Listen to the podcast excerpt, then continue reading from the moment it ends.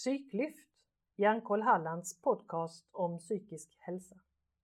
Fick du insikt där och då eller hur lång tid tog det innan du insåg att du var spelberoende? Jag, jag tror att jag någonstans... Jag, jag, jag, jag kände som att jag ändå nog inte Alltså att det handlade mest om att jag spelade för ekonomins skull. Jag trodde nog det, men sen gick det ju inte att, förneka att jag var ju, jag hade ju ställt till med saker och ting på grund av spelet och, och alla andra som var där hade ju gått samma väg som mig och de var ju spelberoende så det var ju klart att det var svårt att blunda för det men jag kände ändå att ja, jag, hade jag inte haft kniven mot strupen så hade jag inte behövt spela. Det kände jag väl. Men eh, jag accepterade ju att det var nolltolerans som gällde, att jag kan inte spela för att det, då riskerar jag att ställa till det igen och jag sviker eh, dem som, mm. som runt omkring mig som jag lovat. Och, så, så att jag, eh, jag vet att när jag var ett år ungefär där så var jag ju spelfri och, och verkligen engagerad och, och, kände att det här kommer inte jag behöva i mitt liv. Sen så sänkte jag garden och då började nätet bli populärt, eller poker började bli populärt vilket gjorde att det var ju ett skicklighetsspel. Där hade jag ju inte oddsen mot mig utan där eh, skulle jag ju kunna eh, vinna pengar på riktigt utan att det var en chansning på samma sätt kändes det som. Och eh, det gjorde att jag började och lockas tillbaka till de här tankarna och det att det som är det underbara, det, det, det som är så viktigt med sådana här självhjälpsgrupper är ju att du, lite som eh, med Järnkoll och där som ambassadör, att man kommer ut och, och eh, berättar om att det här finns, att det inte ska vara den här skammen. Just att kunna våga öppna sig. För det, precis som du sa där, att det var ju som att jag fick ur mig någonting. Jag fick, jag fick släppt den här, det enorma berget som jag har gått och burit på i flera år. Och det var ju det var helt underbart att få vara, för jag kände mig fri, helt fri mm. efteråt. Mm. Och den känslan eh, var, den är underbar. Problemet är ju det om du inte ska man säga, pratar om det eller att du eh, påminns om hur skönt det är att vara fri. Och du inte påminner dig om hur du faktiskt mådde när du inte var fri så är det väldigt lätt att gå över den här gränsen igen. Och det var det som hände då efter drygt ett år där att jag någonstans, men så farligt var det ju inte, det löste ju sig, började speldjävulen säga och jag mm. har då, jag, jag ser ju inte skillnaden längre där och mm. vilket då gör att jag eh, Ja, jag har inte fattat allvaret helt enkelt och börjar och, eh, och gå över små gränser där eh, när det gällde poker och sådär och till slut så var jag väl tillbaka till att jag inte riktigt förstod varför jag skulle låta bli när jag inte hade problem med ekonomin då och så. Sen att jag, att jag garanterat skulle få det, det var ingenting jag kände då. Men eh, jag kom i varje fall in på en behandling som var som precis skulle starta då, så jag fick vara en sån försökskanin. Mm. Eh, för en spelberoendebehandling då, som startade och det var, där fick jag jättemånga bra verktyg och motivation att låta bli spelet. Mm. Så mm, det var, det var starten på tre spelfria år. Eh, det var två stora misstag gjorde jag dock. Det ena var att jag gick inte tillbaks till föreningen för jag kände att jag var frisk. Jag mm. behöver inte det längre utan nu, jag klarar detta själv Samt så när jag ser tillbaks på det så ändrade jag egentligen inte så jättemycket mitt beteende. Det jag slutade med det var att spela. Mm. Men jag fortsatte att gå genvägar i livet, jag fortsatte att ljuga när jag behövde det. Alltså det var, det fanns jag, jag kände bara att jag gör rätt för mig så länge jag inte spelar och slog mig för bröstet och var jättestolt för det. Men eh, tyvärr så ändrade jag inte tillräckligt mycket i mitt liv så att jag hade ett hållbart skyddsnät utan det var egentligen bara en tidsfråga innan jag skulle gå över den här kanten eller tröskeln eller gränsen igen och det hände då tre år senare. Och då, då hade du gått igenom en behandling och fått verktyg och annat och sen, sen hamnade du sen, sen fick du liksom den biten igen i ditt liv? Jag, jag föreställer mig när du säger att du ändrade ingenting annat att det är liksom som att plocka bort en bit och så tänker man att så nu är den biten borta men det hålet finns ju fortfarande där Mm. och kanske försöker suga in någonting igen så fort det erbjuds. Men det var Precis. det som hände efter tre år då. Berätta, hur gick det till? Det, det var ju precis som du säger där att det var någonting som, som saknades, något som hade tagits bort. Men jag var ju ändå då väldigt, ja, de, de verktygen jag hade fått från behandlingen, det gjorde ju att jag höll mig spelfri. Det, det, det var ju eh, mycket av det som, som hjälpte vid de svåra eller tuffare stunderna när, när spelsuget kom så var det ju då jag kunde stå emot det. Men långsiktigt så blir det ju inte hållbart med bara de verktygen om jag aldrig vässar dem.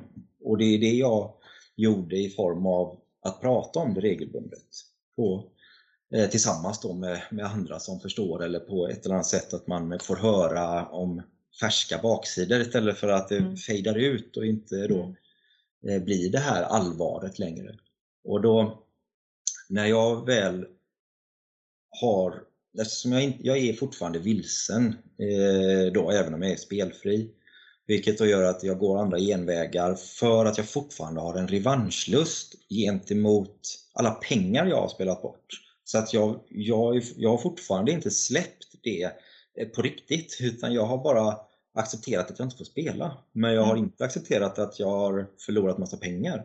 Vilket gör att jag börjar att gå andra genvägar för att få, ta, få tillbaka de här pengarna.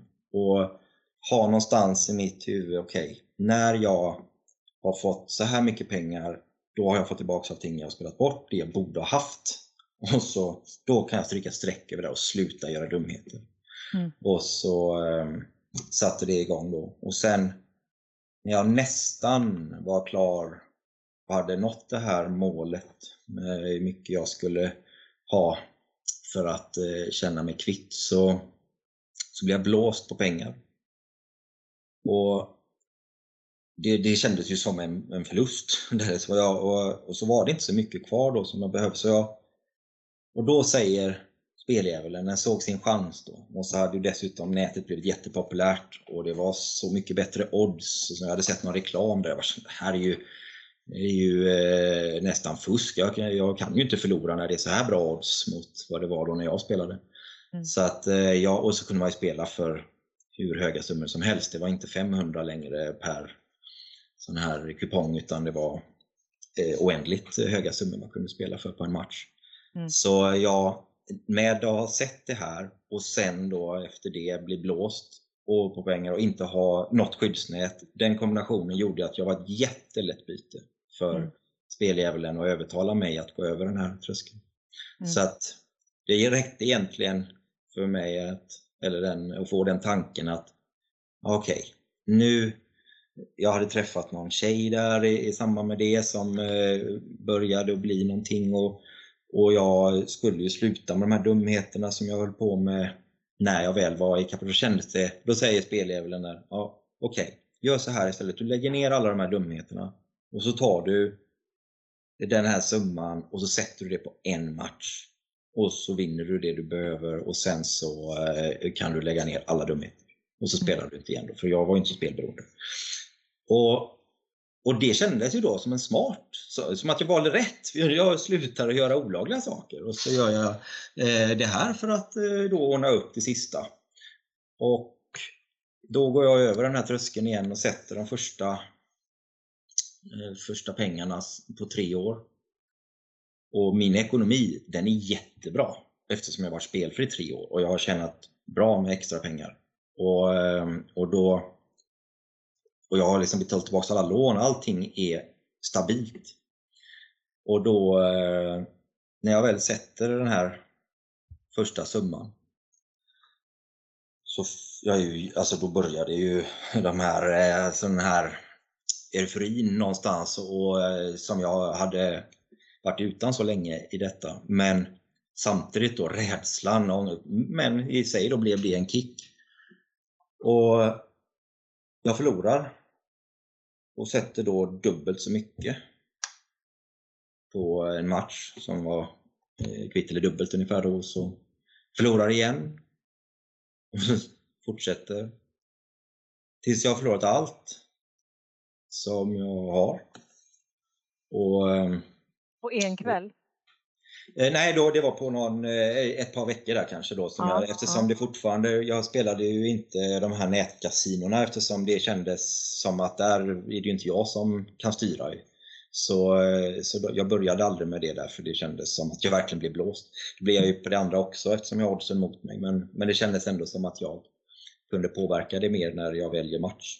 Och då, så där, eh, då var jag tvungen att vänta på att det blev eh, nya matcher och, eh, och så som kunde vara bra. Jag kunde ju inte spela på bara en match när det började bli så mycket pengar jag skulle vinna eftersom det var, då behövde jag ha tre som skulle gå in för att jag skulle få tillbaka allting. Och till slut då så var allt borta. Och jag, jag hade tagit det där lånet igen som jag hade innan och, och det var det var- Jag bara kände att det här, det får inte, liksom, jag har byggt upp allting och jag har blivit skuldfri. Liksom, allting var ju klart. Och att då berätta det eller behöva eh, säga det här till eh, mamma igen som hade då hjälpt mig och stöttat mig och så under, under den här tiden. Och hon trodde ju att allting var frid och fröjd naturligtvis. Så jag bara kände att det, det här var fruktansvärt. Och det var så, jag, var så lågt, jag var så långt ner i, eh, i ångesten där för vad hade ställt till med. Så hade jag inte pratat om spelets baksida på jättelänge. Och, och alla tyckte att jag var så duktig liksom, som hade fixat det och kommit tillbaks eh, liksom, och ur det.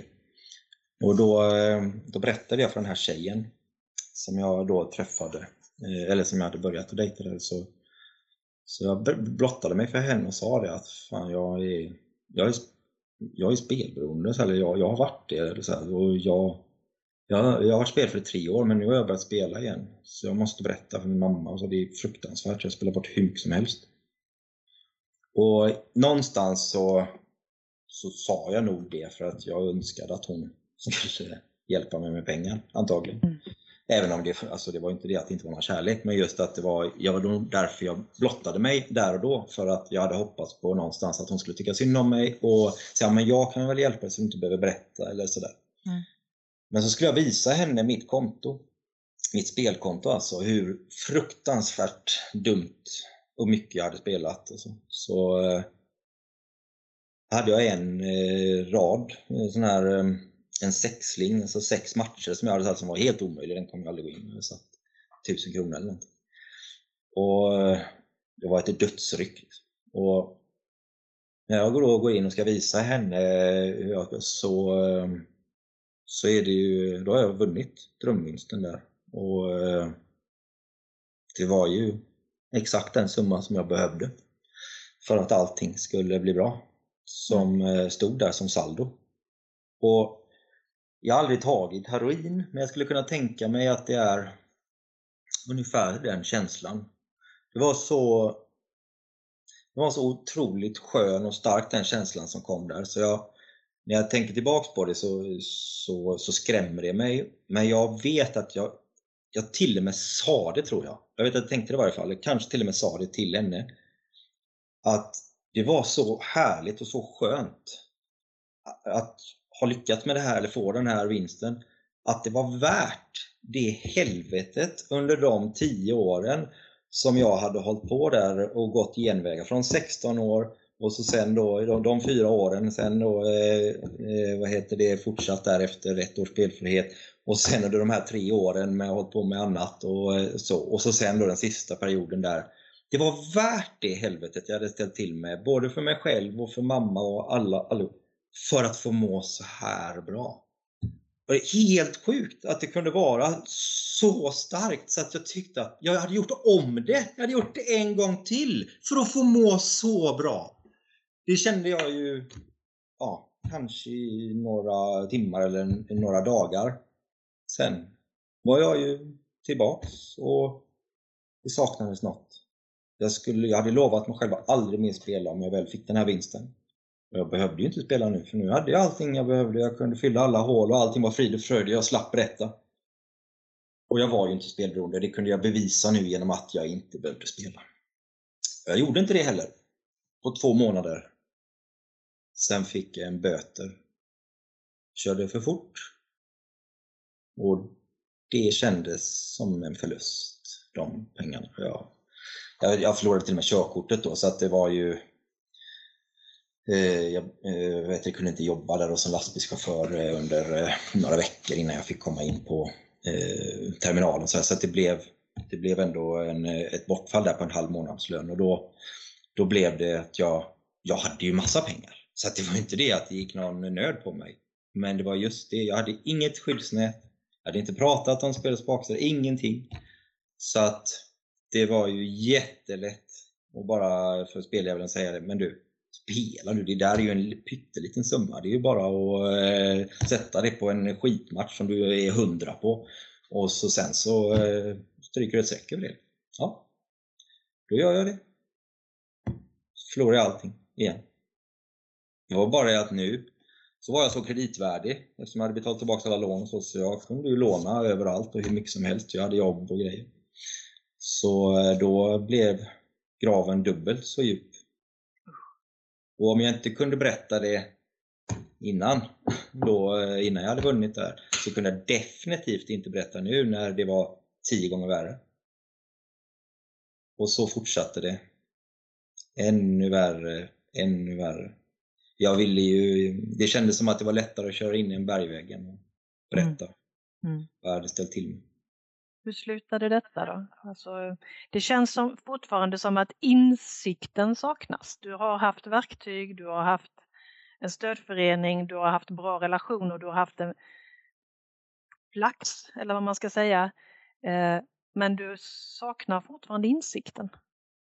Ja, det är någonstans, och det är det här som var så nyttigt, eller har varit så nyttigt efteråt. Just det här att jag, jag har ju varit så säker på att en vinst är lösningen. Det var jag ju mm. redan från eh, att jag fick reda på att kasinot skulle öppna. Så visste jag ju någonstans att om bara jag får det så kommer allting lösa sig. För det är ju inte spelet som är problemet.